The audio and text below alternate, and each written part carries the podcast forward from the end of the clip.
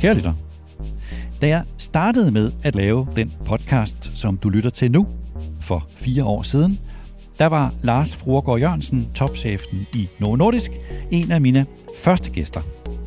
Du kan stadig høre optagelsen, hvis du søger tilbage. Og man kan roligt sige, at det er gået stærkt hos Novo Nordisk siden dengang. Novo Nordisk er inde i et vildt vækstforløb, især drevet af sin indsats mod svær overvægt. Men allerede nu spørger investorer og analytikere om, hvad skal der ske i Novo Nordisk ude på den anden side af den succes, som de oplever nu? Hvordan ser fremtidens Novo Nordisk ud, når vidundermidlet semaglutid går af patent om knap 10 år? Hvad skal Novo Nordisk så leve af? Det taler jeg med Lars Fruergaard Jørgensen om. Fire år efter, at vi mødtes i den første optagelse, så er jeg tilbage i Bagsvær. Og vi tager afsæt i, at de hos Novo Nordisk netop har justeret deres formål, deres såkaldte purpose, altså det purpose, som sætter retningen for virksomheden. Novo Nordisk er en formålsdrevet virksomhed, og i en formålsdrevet virksomhed, der er et purpose noget af det allerhelligste. Et purpose er næsten hugget i sten. Et purpose sætter retning for virksomheden. Et purpose fortæller omverdenen, hvad en virksomhed rækker ud efter. Et purpose tiltrækker og motiverer medarbejderne. Så, hvorfor gør Novo Nordisk det? Før, der lød virksomhedens purpose sådan her. Citat. Driving change to defeat diabetes and other serious chronic diseases. Citat slut. Jeg gentager det lige. Citat. Driving change to defeat diabetes and other serious chronic diseases. Citat slut. Nu bliver indsatsen mod kroniske sygdomme i mere bred forstand gjort mere tydelig, og indsatsen får en synligt højere prioritet. Det nye purpose lyder sådan her. Citat. Driving change to defeat serious chronic diseases built upon our heritage in diabetes. Citat slut, og det gentager jeg også lige. Citat, driving change to defeat serious chronic diseases built upon our heritage in diabetes. Citat slut. Så, hvad går det ud på? Hvorfor bliver formuleringen om kroniske sygdomme rykket frem i sætningen, og hvorfor bliver udtrykket diabetes skubbet bagud i sætningen? Det kan lyde som en sproglig detalje, men som bekendt, så er det ofte i detaljen, at der gemmer sig noget vigtigt. Og da især, når vi taler om den sætning, der sætter retningen for landets suverænt mest værdifulde og samfunds vigtigste virksomhed. Det taler jeg med Lars Fruergaard Jørgensen om her i optagelsen, om at han som leder af Novo Nordisk sidder på en brændende platform. Javel, det er en platform, der brænder langsomt, men platformen den brænder. Om at det justerede purpose viser, at når Novo Nordisk skal vokse ind i fremtiden, så skal det ske ved, at de breder deres kerneforretning ud. De vil i fremtiden satse på fire sygdomsområder, og inden for de fire sygdomsområder, der vil de især satse på diabetes, svær overvægt, hjertekarsygdomme og sjældne blødersygdomme.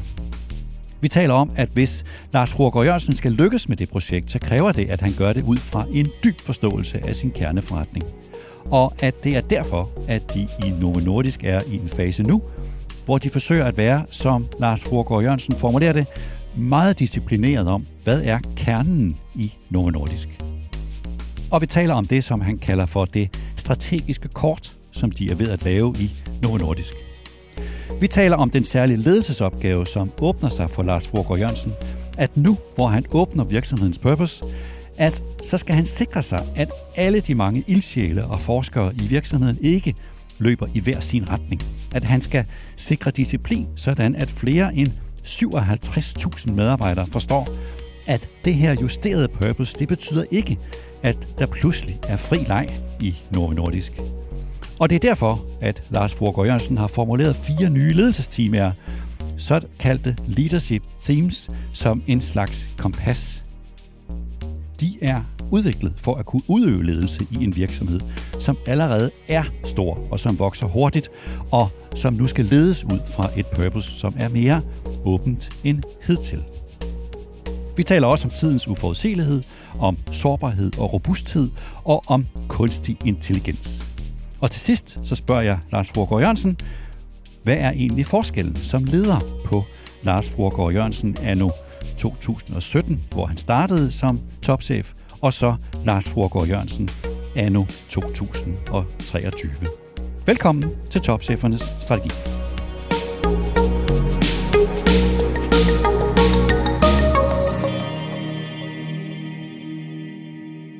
Lars Fruergaard Jørgensen, tak fordi jeg måtte komme. Velkommen tilbage. Lad os prøve at tage afsæt i jeres opdaterede purpose. I har haft et purpose, som hed Driving Change to Defeat Diabetes and Other Serious Chronic Diseases, og nu hedder jeres purpose Driving Change to Defeat Serious Chronic Diseases Built Upon Our Heritage in Diabetes. Det er jo både et symbolsk og også et reelt udtryk for jeres strategiske rejse. Altså, I vender på en måde jeres prioritet om. Hvad er ideen med det? Ideen er at have et formål, som er øh, skal vi sige, fremtidsholdbart og øh, meningsfyldt for, for medarbejderne. Over tid har vi justeret på vores, vores purpose, som det hedder på godt dansk. Øhm, hemofili har for eksempel været inde på et tidspunkt og er ude nu. Og nu har vi en tid, hvor at vi både vokser i diabetes, men vi vokser også inden for svær overvægt, og vi er på vej ind i nogle andre beslægtede sygdomsområder. Vi øh, skal have en, en række lanceringer inden for hemofili i de kommende år. Så det er vigtigt for mig, at alle medarbejdere kan se sig selv i vores purpose. Og hvis man har diabetes og så odder, der er ikke så mange, der synes, det er super spændende at være i den der andet kategori. Så nu øh, har vi taget øh, diabetes og andet ud og siger, at det er øh, kroniske sygdomme. Og så kan vi så ligesom inden for det udfolde, at det er diabetes, det er svær overvægt, det er hjertekarsk sygdom, det er sjældne øh, blødersygdomme, som er vores fire hovedprioriteter. Så i mange år jo, altså i princippet jo i, i, i 100 år, bogstaveligt talt, der har jeg haft fokus på diabetes, og nu breder jeres kerneforretning ud. For mig ligner det et stort skridt. Altså for mig ligner det et historisk øh, vingesus. Det er jo ikke at ændre et purpose eller justere et purpose. Det er jo ikke noget, man gør hver dag. Det er rigtigt. Og der er også gået mange overvejelser omkring det. Og når jeg taler til det, så bruger jeg meget energi på at understrege, at vi stadigvæk er stærkt fokuseret på diabetes.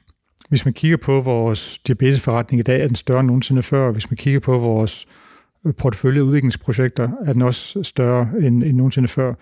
Vi, har, øh, vi er i sidste skridt på at, at få godkendt en, øh, en insulin, der virker på ugelig basis. Det er en kæmpe forandring for folk, der bruger insulin. Vi har forskning inden for øh, glukose-sensitive insuliner, så vi er stadigvæk stærkt committed til diabetes, men der er også andre områder, og det er vigtigt for mig, at alle, alle medarbejdere kan se sig selv i det formål. Men inden jeg kommer til det, så bare lige er nysgerrig på sådan en proces. Altså, hvordan opstår ideen om, hmm, skal vi justere vores purpose? Hvor langt, hvor lang tid er sådan en proces? Hvor mange er involveret i den? Er der sådan et analytisk forløb, eller er det mere sådan en, en filosofisk samtale, man har med hinanden? Ja. Vi har ansat, ansat øh, rigtig mange medarbejdere øh, inden for det seneste år, og det er vigtigt for mig, at de bliver introduceret til vores værdier, det vi kalder The No Nordisk Way, og vores purpose, vores formål er, skal vi sige, starten af The No Nordisk Way. Så vi stod for at skulle øh, Øh, onboarde, altså hjælpe alle de her nye kollegaer ind i virksomheden, og, og, og bruge endnu mere øh, kræfter bag ved No Nordisk Way og kommunikere det. Og inden vi ligesom satte øh, ekstra skub på det, så sagde vi til os selv, okay, lad os lige tjekke, om de formuleringer, der er, de stadigvæk er helt up-to-date. Den seneste version er ja, 10-15 år gammel. Og det startede så i, i, i direktionen, hvor vi tog en diskussion, faktisk en, øh, et par workshops, hvor vi gik det hele igennem, både nogle af vores værdier, men også vores formål, den måde, vi beskrev det på, hvem vi er. Og det gav så anledning til, at vi følte, at det var rigtigt at lave nogle justeringer. Så involverer vi en række øh, mellemledere i det. Vi snakker med medarbejdere, repræsentanter, øh, og kommer frem til noget, som egentlig vi føler, der omfavner alle, og mulighed, folk har haft mulighed for at kommentere på det, og så ender det så med at blive godkendt af bestyrelsen. Så det er faktisk en, en ret lang proces. Det har taget, øh, det har taget godt et års tid. Kan man beskrive jeres rejse på den måde, at I har i mange år haft fokus på diabetes og insulin, og I lykkes med at løfte kvaliteten, og på en måde, på den måde har I udvidet jeres markedsandel, men det er sådan en klassisk strategisk rejse, som man ofte ser, at efterhånden så bliver et marked mere modent, og det bliver, det bliver sværere at lave sådan store spring i kvaliteten, og så har I udviklet et nyt øh, molekyle, og på den måde bragt jeres kompetencer og jeres konkurrencefordel i spil i et nyt marked. Altså flere markeder, ja, men især i et nyt marked, nemlig overvægt. Er det sådan en klassisk strategisk rejse, I er ude i? Øh, ja, delvis. Øh, hvis jeg skulle putte lidt mere kulør på det, vil jeg sige, at øh, det nye molekyle, øh, GLP-1, er jo startet i diabetes, så, og har været på markedet i, i, i mange, rigtig mange år i diabetes, så det er stadigvæk en diabetes, diabetes fokus. Undervejs finder vi så ud af, at det også virker øh, på en måde, hvor det reducerer øh, svært overvægt, øh, og så åbner man op og ud, udvikler det inden for det. Men det er stadigvæk diabetes, der har drevet den øh, innovation, den kreativitet, der har ligget omkring at komme op med det her molekyle. Jeg vil sige omkring insulin, så er det jo sådan, at øh, de øh, diabetikere, der bruger insulin, er jo et, et forholdsvis lille, øh, lille del af, af hele diabetesmarkedet, og det er et marked, der ikke vokser særlig meget. Så hvis man skal have en vækststrategi, så kan man lave bedre insuliner og tage markedsandel, men det er svært at, at drive markedsvækst, øh, for det er inden for type 2 diabetes og, og svær overvægt, at væksten den er. Så hvis man skal være en vækstvirksomhed, så er man sådan set tvunget til at brede sig ud og bedre adressere de bredere segmenter, øh, end, end kun dem, der har type 1 diabetes og afhængig af at bruge insulin. Og det er det, der grundlæggende har ført jer over i et marked for overvægt, at I har taget jeres kompetencer og fordele, konkurrencefordele med det over. Ja. Ser du på lang sigt ind i et tilsvarende forløb, når det så gælder overvægt, at det også vil være en god forretning i mange år, men efterhånden så vil der også der komme igen samme modning, kan man sige, at det bliver også sværere at lave kvalitetsspring, og så skal man tage et nyt skridt ind i et nyt område. Det er jo hele eksistensberettelsen i vores branche, hvor at medmindre man genopfinder sig selv, kan man sige, hver 10 år og kommer med ny innovation, så er der stor sandsynlighed for, at hvis det er et attraktivt marked, hvis det er et marked med mange patienter, så kommer der konkurrence der er det interessant at reflektere over øh, svær overvægt. Et marked, som mange af vores konkurrenter har sagt i årvis øh, er umuligt at adressere, fordi man kan ikke lave produkter, der, er, der, der virker godt på at sænke vægten og som er sikre. Og derfor har der ikke været nogen, der har lavet forskning inden for det. Øh, og baseret på vores biologiforståelse inden for diabetes og hele den, øh, altså de mekanismer, der virker der, er vi så kommet til faktisk også at finde nogle mekanismer, der virker både inden for diabetes og, og svær overvægt. Så nu gør vi det så. Og det gør så, at det er jo en kæmpe kommersiel mulighed, og det giver så mulighed for øh, de andre virksomheder at se, okay, har vi noget, der virker? Så nu, er det, nu har vi ligesom brudt den barriere, så nu kommer de andre flokkes, flokkes til i, i, øh, i Lindstrøm og vil prøve at, at, at tage en del af det marked. Så ja, der vil være konkurrence, der vil være øh, kamp øh, om, om de patienter. Men det er jo den måde, vi er vant til at konkurrere på i vores sektor, at øh, det er en kontinuerlig rejse omkring innovation. Og det vil sige, når I nu opdaterer og justerer jeres purpose, så er det for at få en større, hvad skal vi kalde det, optionalitet til på den anden side, om man så må sige, af overvægt, hvad I så skal leve af. Vi tror faktisk stadigvæk på, at diabetes og svær overvægt er øh, sygdomme, som der er massiv øh, behandlingsbehov for. Og det er jo sådan, at mange af dem, der lever med diabetes i dag, er ikke i god kontrol, og de får stadigvæk øh, følgesygdommen. Så der er stadigvæk behov for produkter, der kan mere end bare at reducere blodsukkeret, der også har hjertekarfordele, der forebygger, at man får, får nyresygdom osv. Det samme gælder inden for, for svær overvægt. Øhm, vi er jo først øh, nu i gang med at få dokumenteret, det håber vi, at vi kan dokumentere i nogle af de studier, vi laver, at ved øh, at adressere svær overvægt, får man også mitigeret nogle af de følgesygdomme, der er, som at det forebygger mod at få type 2 diabetes, det forebygger hjertekarsygdom. Der har vi et, et spændende studie, der hedder Select, som øh, vi, vi forventer at få data på hen over sommeren. Og det åbner så op for øh, skal vi sige, en bredere medicinsk behandling, hvor man faktisk begynder at få uden at reducere vægt, så begynder man faktisk også at adressere nogle af de andre følgesygdomme. Og der har vi jo allerede nu en, en, øh, en, en portefølje af projekter, der er ved at blive udviklet, sådan at det ikke kun er vægt, men det er de at, uh, yderligere fordele ved at adressere det. Så det er sådan en, en klinisk rejse, hvor man får bedre og bedre data, der kan gøre, at man kan adressere flere og flere patienter og også uh, vinde markedsandel. Er det, du lige redegjorde for nu, er det det, som din efterfølger til den tid skal profitere af? Ja, det er det jo. Altså, jeg var heldig at øh, overtage ledelsen af nogle nordisk sammen med dygtige kolleger på et tidspunkt, hvor vi både havde en krise, for det giver så en, en brændende platform at, at tage øh, aktion på, men også på et tidspunkt, hvor der var et molekyle, øh, semaglutid, øh, som var i senfase udvikling og på vej til markedet, og det er det, der så øh, driver væksten nu. Så min opgave er jo at få uden at, at bringe os igennem den her vækstfase øh, på en god måde, og så sørge for, at der er en, en portefølje af, af projekter til den næste generation. Men kan man argumentere for, at semaglutid er det, som jeres aktuelle succes hviler på, og derfor at I i princippet er afhængige af bare et produkt?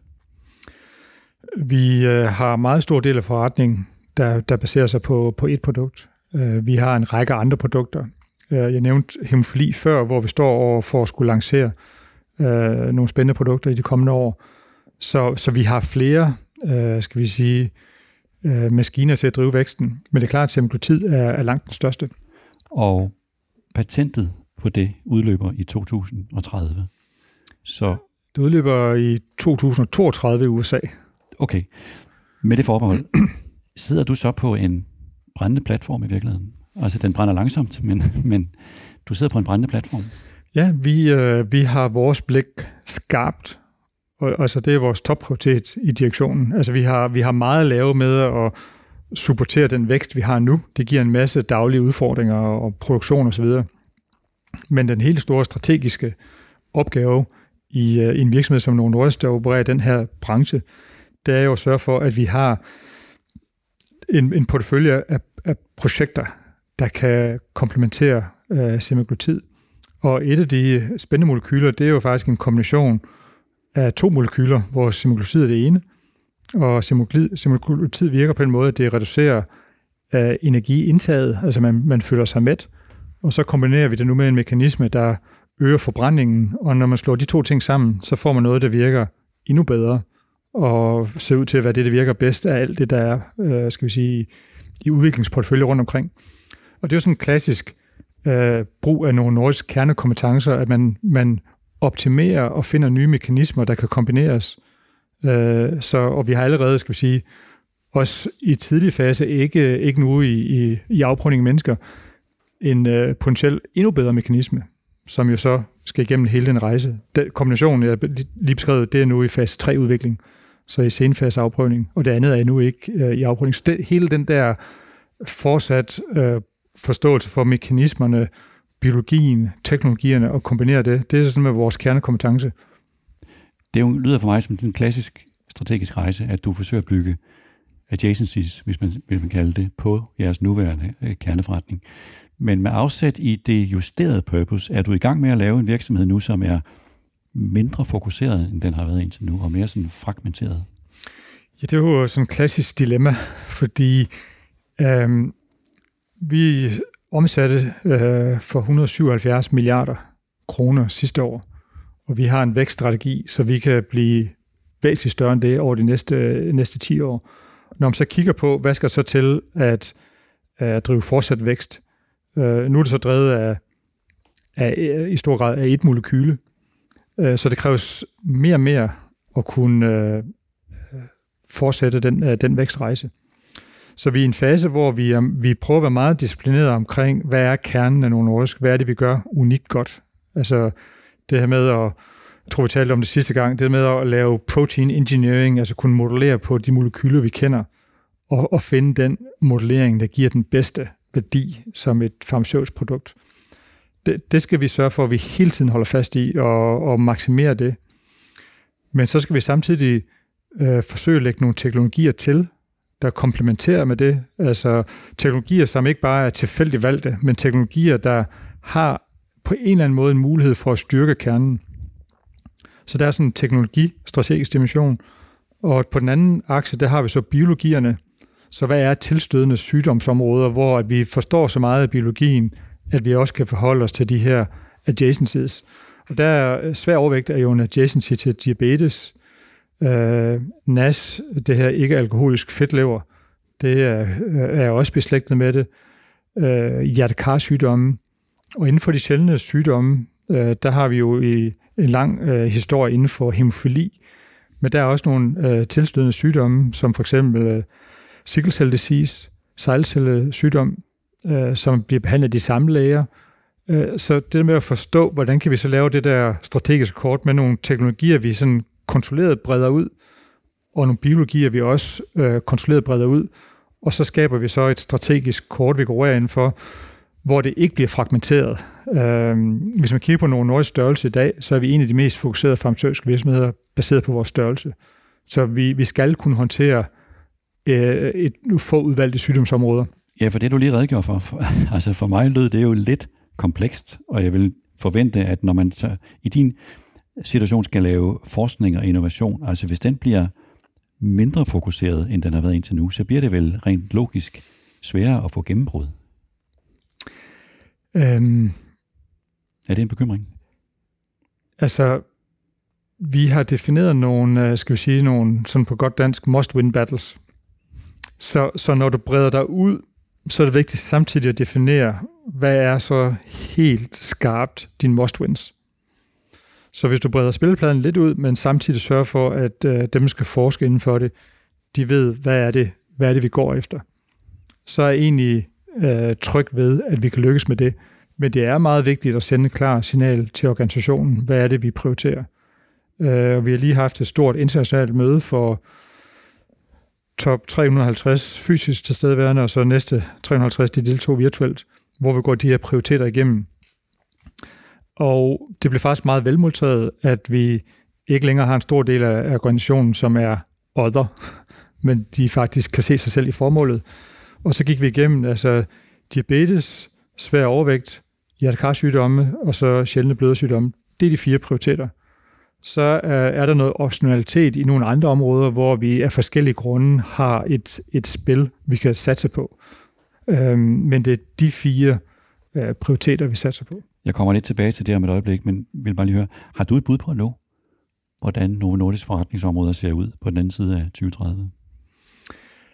Ja, vi har en øh, stærk forretning i diabetes. Vi har en stærk forretning i, øh, i, i svær overvægt. Vi er forhåbentlig kommet på markedet med, med produkter inden for hjertekarsygdom. Og så har vi øh, succesfuldt lanceret en række hemofiliprodukter, øh, og forhåbentlig også et, et, øh, et, et, et produkt inden for for sickle cell disease. Okay, så det er i virkeligheden din prioriterede opgave i øjeblikket. Jeg lægger til grund, at du har en opgave mere, nemlig mere sådan aktuelt også at følge med efterspørgselen. Ja. Ikke? Altså, I har jo virkelig fået en voldsom efterspørgsel, og det vil sige, jeg kan også se, at I investerer store beløb i jeres øh, produktionskapacitet, og du har også i et interview i vores egen avis Børsen, du har brugt udtrykket industriel logik Mm. Altså det her med, at jeg ved godt, at Novo Nordisk allerede i dag sådan set er en industriel produktionsvirksomhed, men at, at det i virkeligheden kommer til at blive endnu mere vigtigt øh, for jer, altså simpelthen industriel øh, øh produktion.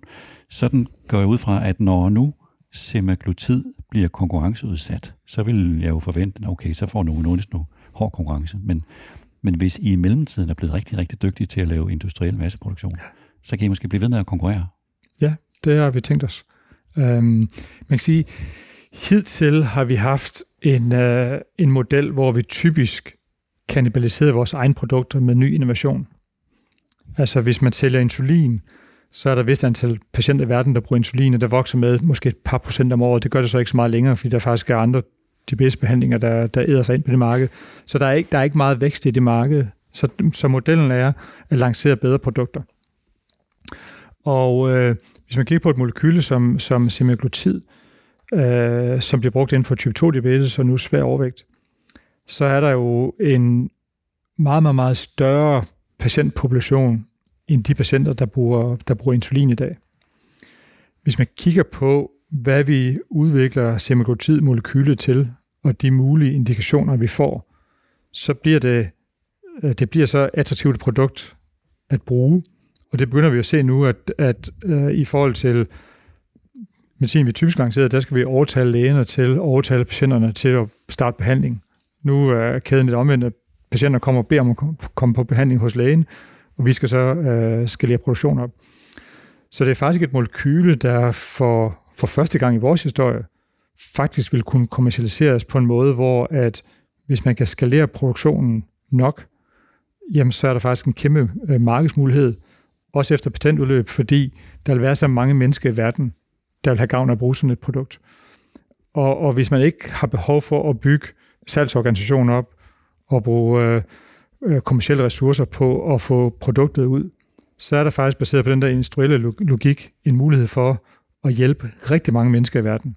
Og hvis man kigger på vores formål, så er det jo at, at drive forandring til at overkomme de her sygdomme.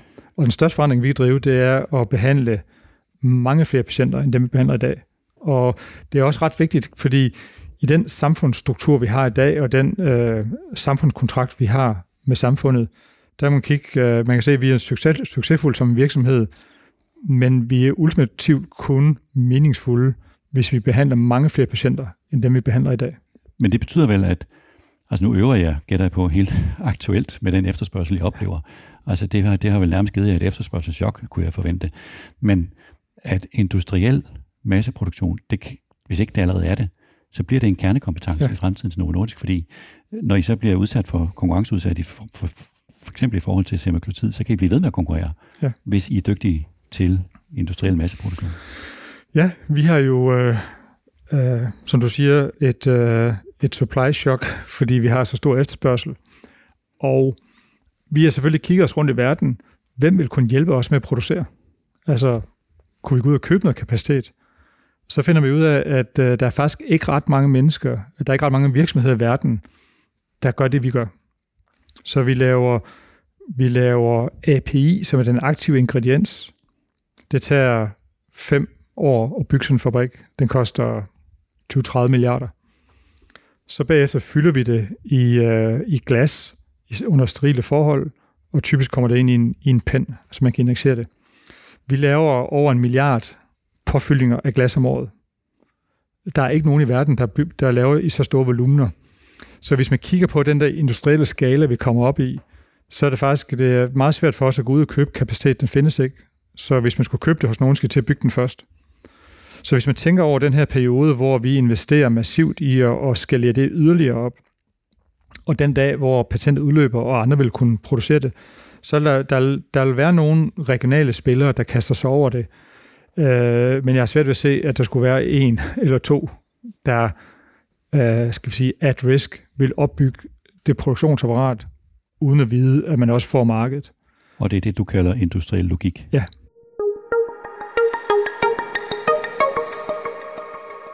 Det her justerede purpose og den rejse, I er ude på nu, den må jo rejse en særlig udfordring. Du har sådan lige antydet den lidt, men at du som leder jo orienterer dig nu ind i mere kompleksitet, end du allerede øh, har gjort de seneste år.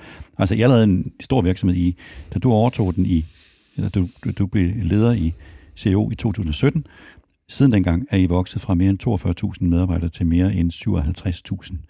Jeg går ud fra, at kompleksitet allerede i dag er en voldsom udfordring.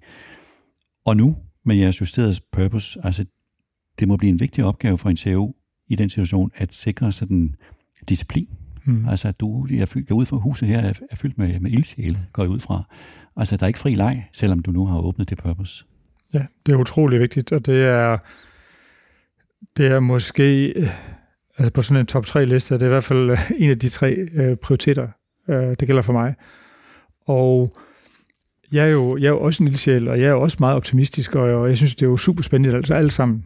Og jeg tror på, en, på et tidspunkt, hvor vi ikke har særlig meget vækst, så har vi behov for at sætte ting i gang, for at se, hvor det er ført hen. Og nu, nu strammer vi så fokus lidt op og, og sætter nogle klare prioriteter, for det er utrolig vigtigt, at det, det må ikke blive komplekst for den enkelte. Uh, så jeg bruger også meget tid på at talsætte det der med, at for ledere er det vigtigt at forholde sig til, at for den enkelte medarbejder er dagligdagen simpel.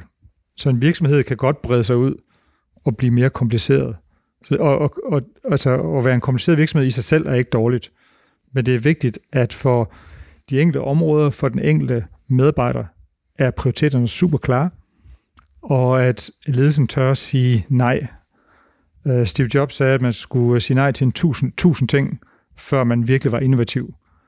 Uh, måske betyder lidt noget andet for Apple, men jeg, jeg bruger meget tid på at tale til det der med at sige nej. Først når man har sagt nej til noget, har man reelt sagt ja til noget andet. Så det er vigtigt. Men det er også vigtigt, at som virksomhed skal man kunne håndtere, at man bliver kompleks. Fordi øh, hvis man bliver stor virksomhed, så bliver man mere kompleks, end hvis man er en lille virksomhed. Og hvis man har en fremtidssikret strategi, så skal man også forholde sig til nye teknologier og nye markeder. Hvis man ikke øh, ønsker at gøre det, så tror jeg, man får en, øh, en risikoprofil for fremtidig vækst, der ikke er, er, er fornuftig. Du har dine leadership themes. Er det her, de kommer ind i billedet? Det gør de. Um, så jeg, jeg tog en session med min ledergruppe, hvor vi diskuterede, hvordan er det, vi skal lede i dag og i fremtiden i forhold til at være en større virksomhed. Og jeg gav alle en hjemmeopgave. Jeg bad dem skrive det ned, så de var klar til at aflevere det til mig. Jeg havde ikke tænkt mig, at de skulle aflevere det, men jeg ville gerne have, at de havde forberedt sig ved at, at virkelig tænke det igennem. Skriv hvad ned? Øh, hvordan de så deres egen ledelsesopgave ændres, og hvordan vi i ledelsesteamet skulle arbejde sammen på en anden måde, hvis vi sådan tænker på nogle år om fem år. Givet stor vækst. Ja. Så vækst og, og større kompleksitet, hvad betyder det for for dig som koncerndirektør, den måde, du leder på, og så for os som direktion samlet. Og så sad vi i en rundkreds, og så gik vi så rundt, og så skulle alle så ligesom prøve at beskrive det. Jeg sad og tog noter, og baseret på det øh, definerede jeg fire temaer. Øh, den ene er at lykkes med empowerment. Og empowerment er jo ikke bare at delegere. Det er faktisk at, at få en, en medarbejder til at lykkes med at, at modtage en opgave, så det skal komme sammen med klar retning, klar strategi, ressourcer til at lykkes. Øh, og det giver anledning til, altså når vi snakker om det tema der med, at mange sidder og delegerer, men hvis vi sidder i en direktion, og så beder øh, en på et lavere niveau løse en opgave, uden egentlig at have trædet stilling til nogle af de principielle ting, så flytter vi bare kompleksitet på et lavere niveau, hvor det er sværere at løse det. Så vi, vi er blevet meget mere observant omkring, hvis, hvis vi skal få vores ledere til at lykkes, så skal, vi, så skal vi hjælpe dem med, hvad er det for en bane, vi spiller på? Hvad er det, vi har valgt fra fra starten af? Øh, hvad, er, hvad er, skal vi sige, core beliefs, øh, hoved, øh, hoved omkring det, vi nu går ind i? Vil det sige, at når en leder giver en opgave til en, en anden, altså en, en, en, en leder, man har ansvaret for, så skal man være meget skarp på rammer og vilkår og forventninger og hvilken sammenhæng den pågældende fungerer i. Ja. Fordi typisk så bliver det, det bliver endnu sværere at løse en kompleks opgave på et lavere niveau. Det, det, det er nemt for mig at sige, hvis der er tre muligheder, så tager jeg B. Og så siger folk, okay, det har han valgt, og så retter folk ind efter det. Hvis vi kommer længere ned i organisationen, og A øh, kræver noget fra et andet funktionsområde, B i tredje osv., så bliver det rigtig svært, for man har ikke den øh, bemyndigelse. Så når vi delegerer, når vi empower folk, så er det vigtigt, at det kommer sammen med det, der skal til, for at man kan lykkes. Øh, ellers så flytter man bare kompleksiteten øh, og, og alt besværet ned på lavere niveau. Den anden, nummer to? Ja, nummer to, det er at tur, træffe klarvalg. Og øh, jeg taler meget om, øh, at hvis man ikke har sagt nej, så har man ikke sagt ja. Så hvert reelt valg, det kommer med et fravalg. Og først når man har sagt farvel til noget, der er kært for en, har man reelt truffet et valg. Øh, jeg nævnte før, at vi fokuserer på, på fire sygdomsområder. Det betyder også, at der er nogen, vi har givet lavere prioritet. Det er rigtig svært. Men vi brugte simpelthen to dage i direktionen på at diskutere, hvad er den største mulighed kommercielt, hvor har vi de stærkeste forudsætninger for at lykkes. Det er lidt til de fire øh, ting, der bliver valgt, og så er der ergo altså nogle ting, der får en lavere prioritet. Det betyder ikke, at vi forlader de markeder, eller vi ikke har projekter. Det betyder bare, at de fire højst prioriterede altid bliver skal vi sige, behandlet først og bliver allokeret ressourcer først. Men det med at træffe fravalg, er det ikke hverdag for en som dig? Jo, det er det. Øh, men hvis man, hvis man nu kigger på, at vi har en lang række forskningsprojekter, som i princippet vil hjælpe en patient, hvis de alle sammen lykkes, hvis vi skal være sikre på at lykkes, så kan vi ikke bare sige, at vi vil, gøre, vi vil køre dem alle sammen, fordi der bliver ressourcer og konflikter. Øh, så det er, i virkeligheden, det er jo i virkeligheden at udleve vores formål og køre alle projekter. Så sige nej til et projekt, der kun fører til et produkt, der hjælper en patient. Det er faktisk rigtig svært. Så det er en del af at, at drive forretning, men det er svært, og intuitivt vil vi gerne forfølge det. Tænk nu, hvis det virker. Men har det ikke altid været sådan? Øh, jo, det har det. Øh, men jeg tror ikke altid, vi har været gode nok til at, at sige nej. Den tredje? Den tredje, det er at have lederskab over processer. Jo større en virksomhed bliver, jo mere er der en tendens til, at man kører en proces. Øhm, og det har jeg ikke særlig meget øh, appetit øh, for. Jeg har selv siddet i mange af de koncernfunktioner, hvor man bliver nødt til at køre processer på tværs for at få ting til at ske. Og øh, det, tager, det tager lang tid. Så nu prøver jeg ligesom at sige, okay, hvordan kan vi, hvordan kan vi ligesom skære igennem og så sige, må, er der ikke en beslutning, vi kan træffe, hvor vi ikke behøver at køre den proces. Vi behøver ikke at køre en, øh, en proces, hvor vi involverer øh, mange afdelinger nedefra op til at komme til et eller andet. Altså hvis vi nu øh, spurgte tre, brugt en uge på det, og så træffer en beslutning, der er gået en uge. Det er enormt forfriskende, når man gør det. Velvidende, at det ikke altid er, er perfekt. Øh, og det er også noget, som, som jeg egentlig øh, nogle gange bare skal gøre. Altså, jeg kunne vælge at involvere en masse mennesker, eller jeg kan vælge at sige, okay, det er det her, vi vælger at gøre, det er det, vi har besluttet, og det frigiver en masse energi. Men i en virksomhed som den her, som har succes, lige nu har den kæmpe stor succes, den arbejder med lange tidshorisonter, altså der er vel altid tid? Der er faktisk ikke særlig meget tid. Øh, det tager jo, det kan tage øh, et års tid at komme igennem fase 1-forsøg, så kan man kigge på de data, et par år komme igennem fase 2, 3-4 år komme igennem fase 3. Øh, så det, vi skal have på markedet om 10 år, det skal vi sådan set lykkes med nu. Det tager 3-5 år at bygge en ny fabrik. Så vi har ikke særlig meget tid. Og det er også i virkeligheden din fjerde lederskabstime? Ja, det er det med, at, at tid det er den ultimative øh, valuta, vi har. Og, øh, det, og det er sådan set omkring ens egen tid. Altså hvis man er leder og er knap for tid, så er man typisk en dårlig version af sig selv. Øh, men vi kan ikke bruge et år på at diskutere, om vi skal bygge en fabrik eller ej, eller om vi skal forfølge en, en ny indikation, fordi patenttiden den løber, øh, og det år, vi diskuterer det, har vi ikke øh, salg. Så tid er ekstremt vigtigt.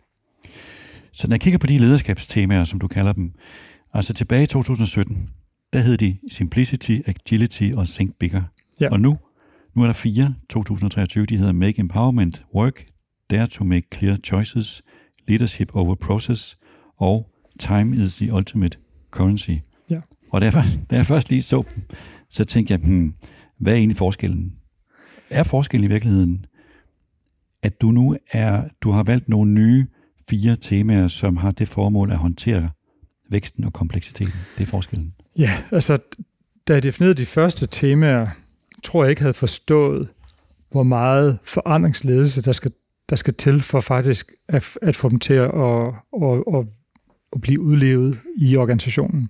Så de nye fire temaer er baseret på de samme ting, men de er mere udtrykt i lederskabsadfærd. Så, så, så det er nemmere for mig at kommunikere dem til ledere. Hvad betyder det for dem personligt? Når du laver empowerment, hvordan får du det til at virke? Hvordan træffer du klare valg? Hvordan beslutter du ting, i stedet for den der, skal vi sige, default med nogle gange at lade nogen kigge på det? Øh, og hvordan sikrer du, at du har tid til faktisk at kunne træffe de klare valg? Hvordan sikrer du tid til faktisk at empower? Øh, og, og når du så gør det, øh, så får du faktisk mere tid, øh, og du frigør tid i organisationen. Så de hænger sammen på, på kryds og tværs, men de er, de er bedre øh, og mere... Øh, de, de, de er nemmere at efterleve end de første temaer, som var mere generelle temaer. De er mere sådan øh, retning af handlingsanvisende ja, for en, en leder, hvor han eller hun måtte, ja. måtte sidde henne. Til sidst omkring det her med ledelse, er jeg simpelthen nysgerrig.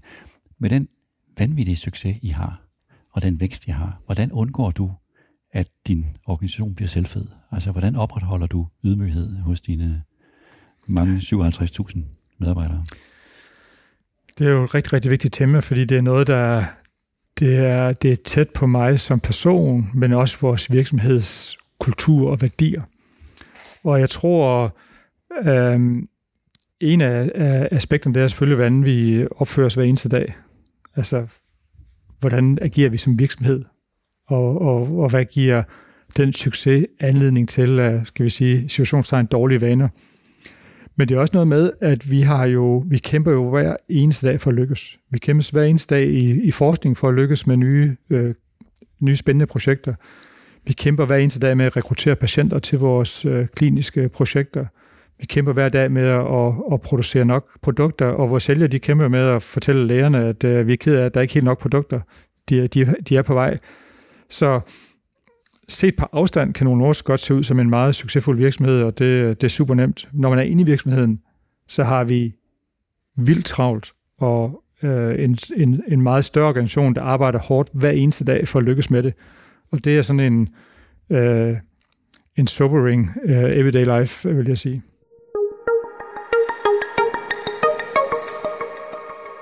Nu er det jo gået fire år siden, jeg var sidst, og det vil sige, at dagsordenen for en CEO som dig er jo, den har udviklet sig meget på de fire år. Der er sket meget. Så jeg vil lige vende nogle af de ting, der er sket, øh, øh siden, vi, siden jeg var her sidst. En af de ting, der har ændret sig, det er jo det, man kan kalde uforudsigelighed. Altså, vi lever i en tid, som siden jeg var her sidst, så er der sket øh, coronakrise, presset forsyningskæder, stigende inflation, renter, svingende energipriser, krig i Ukraine. Altså, der er sket voldsomt mange ting. Er uforudsigelighed et nyt grundvilkår for en moderne ledelse, eller er det mere virkelig en, en, en overfortolkning? Altså, at i virkeligheden har vi altid kigget ind i en uforudsigelig fremtid? Det er et rigtig godt spørgsmål, og Altså, hvis man havde spurgt mig og andre om før pandemien, og man havde troet, at der kunne komme pandemi, en ny krig, inflation, forsyningsskadeproblemer, så har man nok sagt nej. Og hvis man har sagt, okay, hvis det sker, tror du så, du kan drive virksomhed, så tror jeg også, man har sagt nej. Så, så verden har vist sig at være mere, øh, mere uforudsigelig, men samtidig synes jeg også, at vi har vist os at være mere resiliente, end jeg havde troet. Så vi lykkedes med at køre vores forretning videre gennem pandemien. Vi lykkedes faktisk med at få produceret varer, øh, varer uden at vores medarbejdere blev syge. Vi lykkedes med at få dem sendt rundt i verden. Vi lykkedes med at køre, køre vores kliniske afprøvninger. Så, så, så verden bliver mere uforudsigelig, men jeg synes også, den viser at være mere resilient, end jeg troede. Hvis man så kigger på hele det sådan geopolitiske, så tror jeg, at, at øh, den der efterkrigstid, som mange af os er vokset op i, hvor ja, der var også, øh, der var også kriser, men det var sådan en, en lang rejse, hvor vi var på vej mod globalisering, og, og verden virkede til at være et, et, et bedre sted. Øh, der tror jeg, at tiden er ligesom løbet ud af den ære, og nu er der en, en ny periode, hvor at jeg tror, vi skal forholde os til, at mange ting skal blive meget værre, før det bliver bedre. Bliver bedre. Men jeg kan godt føle dig i, at, at det har vist sig, at man kunne tåle mere, end man måske havde regnet med. Men så lad os tage det, fordi det er jo også et, et vilkår. Altså det her med på den ene side, at ikke bare udforudsigelighed, men også sårbarhed. Altså mange virksomheder, også, du er jo også en industrivirksomhed, har vist sig at være sårbar. Altså man havde outsourcet, man havde færre leverandører, man havde færre lager, alt det der for at blive mere effektiv, det havde givet masser af værdi, men også vist, at man er blevet mere sårbar. Så, altså, lad, så, så, så lad, mig, lad mig spørge på den måde, er robusthed, mm. uden at det skal gå ud over din konkurrencekraft, blevet en udfordring? Ja, øh, det er det.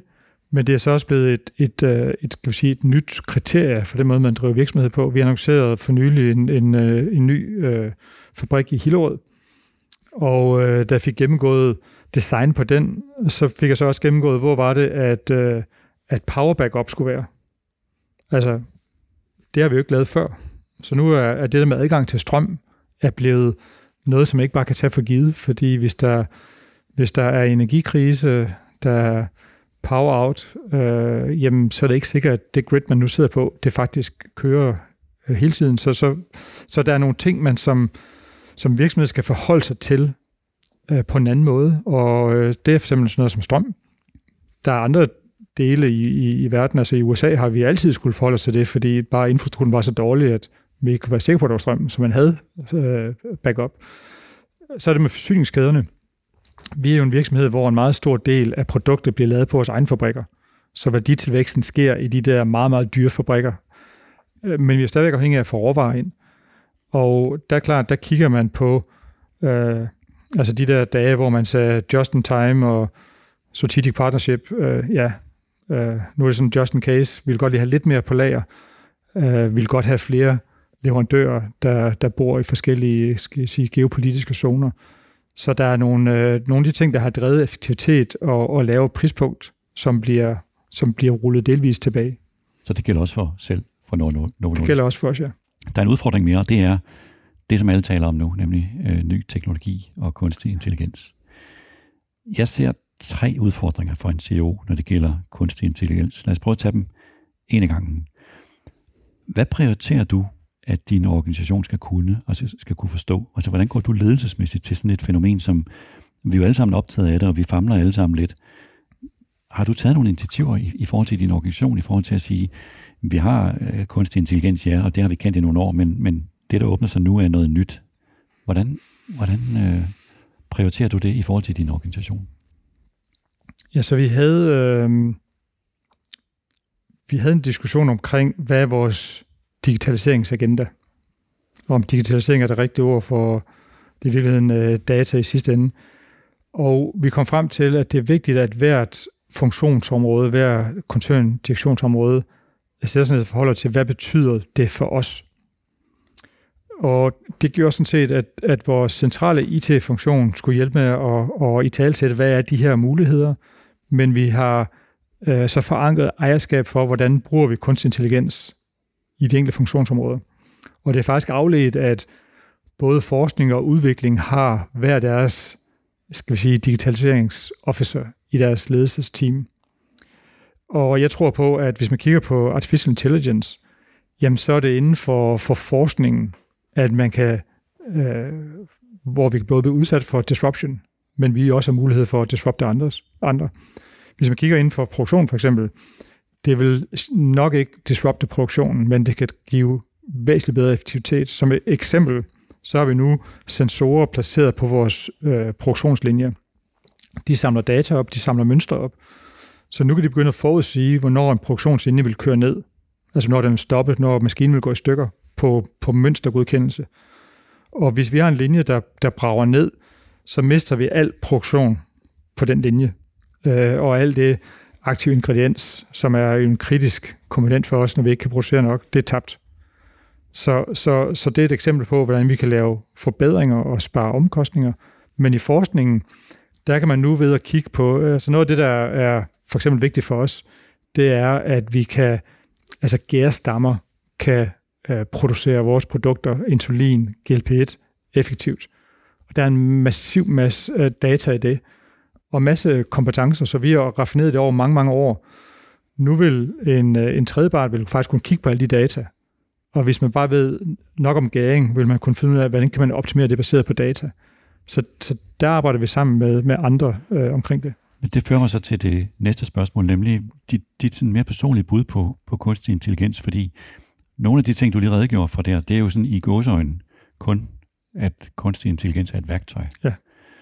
Og det kan godt være, at det kun i gåsøjne er det. Eller at kunstig intelligens måske kommer til at ændre måden, at, at vi tænker forretning på og tænker øh, virksomhed på. Har du et bud på det? Altså, er kunstig intelligens den variant, vi nu møder, er det kun et værktøj, eller er det meget mere end det? Jeg tror på, at det kan blive mere end det inden for forskningen.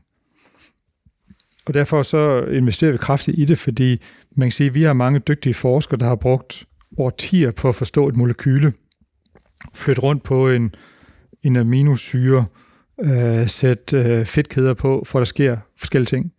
Den der trial and error og erfaringsopbygning, den tror jeg kan blive øh, disrupted af kunstig intelligens. Øh, fordi hvis man, hvis man viser et billede af, hvad det virker, og så øh, alle mulige datasæt, jamen så vil den kunne øh, komme frem øh, til, til forslag. Øh. Altså forsøg, som måske tidligere tog lang tid. Ja. Pludselig så tager det meget kort tid. Ja. Inden for vores sektor, så er der så stadigvæk en masse regulering, så man skal køre molekyler i, øh, i modeller, man tester, og man tester dem på mennesker, det skal produceres i reguleret øh, format. Så der er en masse regulering, der gør, at jeg tror ikke bare, man kan slippe AI fri, og så kommer et produkt ud, og så tager vi det, og så siger vi, det var spændende, kan vide, hvor det kom fra. Øh, så det tager lang tid. Øh, men hvis vi ikke, hvis vi ikke kaster, os, kaster os ind i det med de data, vi har, og der har vi jo sådan en fordel ved, at vi er en, en virksomhed, der har været i det her felt i mange år, så vi har uendelig mange data.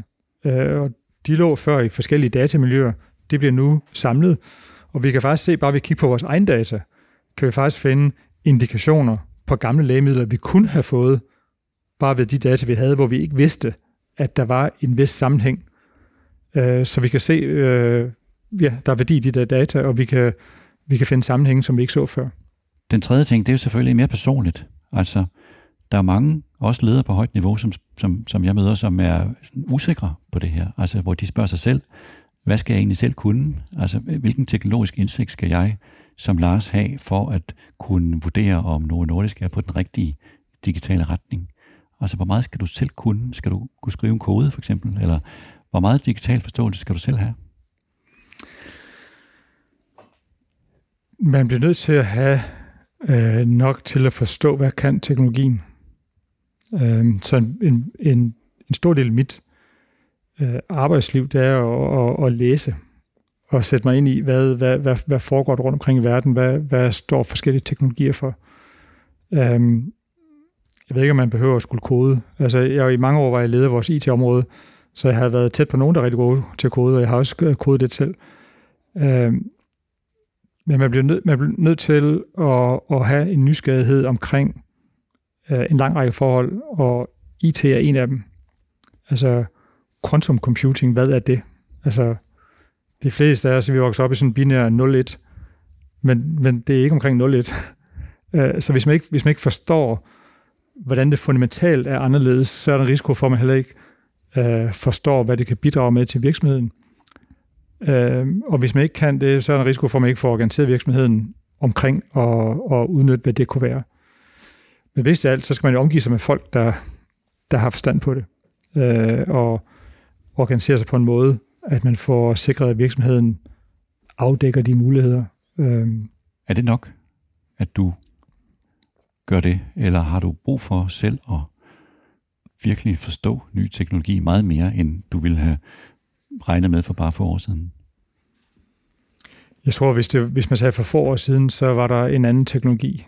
Øhm, inden for vores felt, altså udvikling af, lægemidler, der har der været alle mulige øh, hype cycles af, ny teknologi, øh, og sådan er der også inden for digitalisering.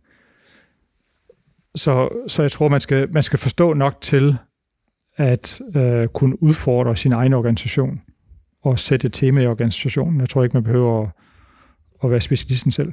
Nu har du siddet her som CEO i seks år. Hvad er forskellen på Lars Forgård Jørgensen i dag til forskel fra ham, der var en ny CEO i 2017?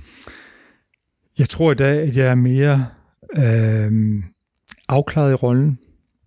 Øh, hvis jeg går på scenen og, og, og udtaler vores prioriteter, så kommer de, så kommer de fra en mere rolig, afklaret, måske en mere autentisk version af mig selv. Og det giver, øh, jeg tror, det giver ro i organisationen. For eksempel, da vi opannoncerede den her fabriksudvidelse, så kom der en løbende bagefter og sagde, jeg gerne, jeg gerne give dig noget feedback. Og så sagde han, at det er rigtig godt, når du bruger de der personlige eksempler, når du holder en præsentation. Du fortæller noget omkring dig selv, øh, din egen opvækst, for at kaste lys på et eller andet emne. Og det gør du meget mere en dag, i dag, end du gjorde, dengang du lige var trådt til. Og det virker rigtig godt. Jeg tror, det er et eksempel på, at den der, man bliver udnævnt, og man træder et skridt op i forhold til sine kollegaer, der er jeg i hvert fald meget opmærksom på ikke at være for, for bossy dag et. Um, og det var måske i virkeligheden forkert, fordi alle har behov for, at den, der er leder, træder i karakter som leder. Og det tror jeg er blevet mere afklaret omkring vigtigheden af, og finder mere naturligt af, end jeg gjorde for seks år siden. Er det virkelig også, at du simpelthen er mere selvsikker nu? Ja, det tror jeg. Lars Fogh Jørgensen, tak fordi jeg måtte komme. Tak fordi du kom.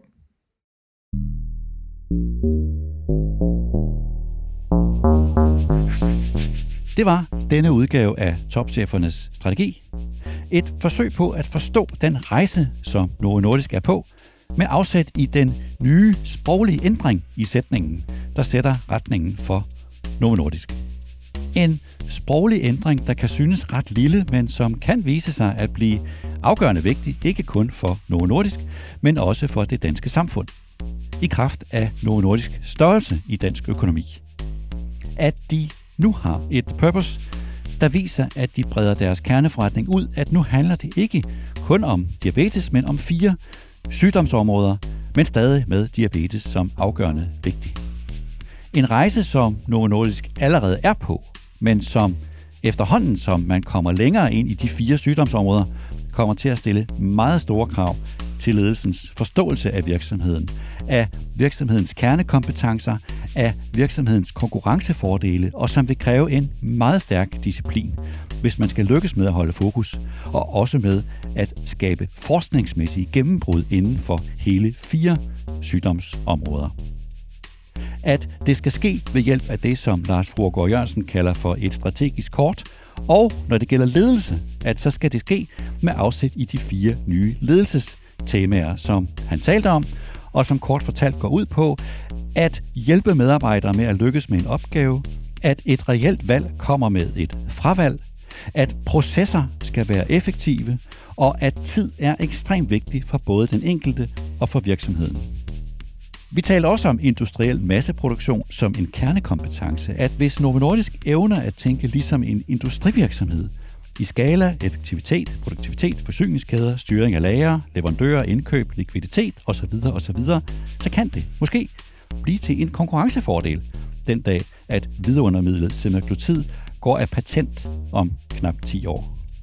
Vi talte om kunstig intelligens, om at i en tid, hvor alle famler, og hvor alle fornemmer, at vi står over for noget, som bliver afgørende vigtigt for os alle sammen, men som ingen af os forstår, at der er det især vigtigt at være nysgerrig. At være nysgerrig som forudsætning for at forstå, hvad kunstig intelligens kan bidrage med.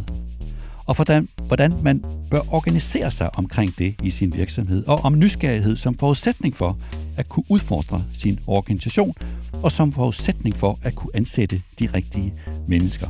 Og så talte vi til sidst om, at Lars Frogård Jørgensen er blevet mere selvsikker som leder, at han til trods for, at han er erklæret introvert som menneske, er afklaret med, at det er vigtigt, at en leder træder i karakter som leder.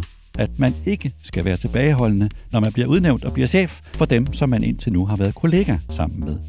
Men at man allerede fra den første dag viser sin organisation, at man er klar til at tage rollen på sig. Tak til Lars Fruergaard Jørgensen.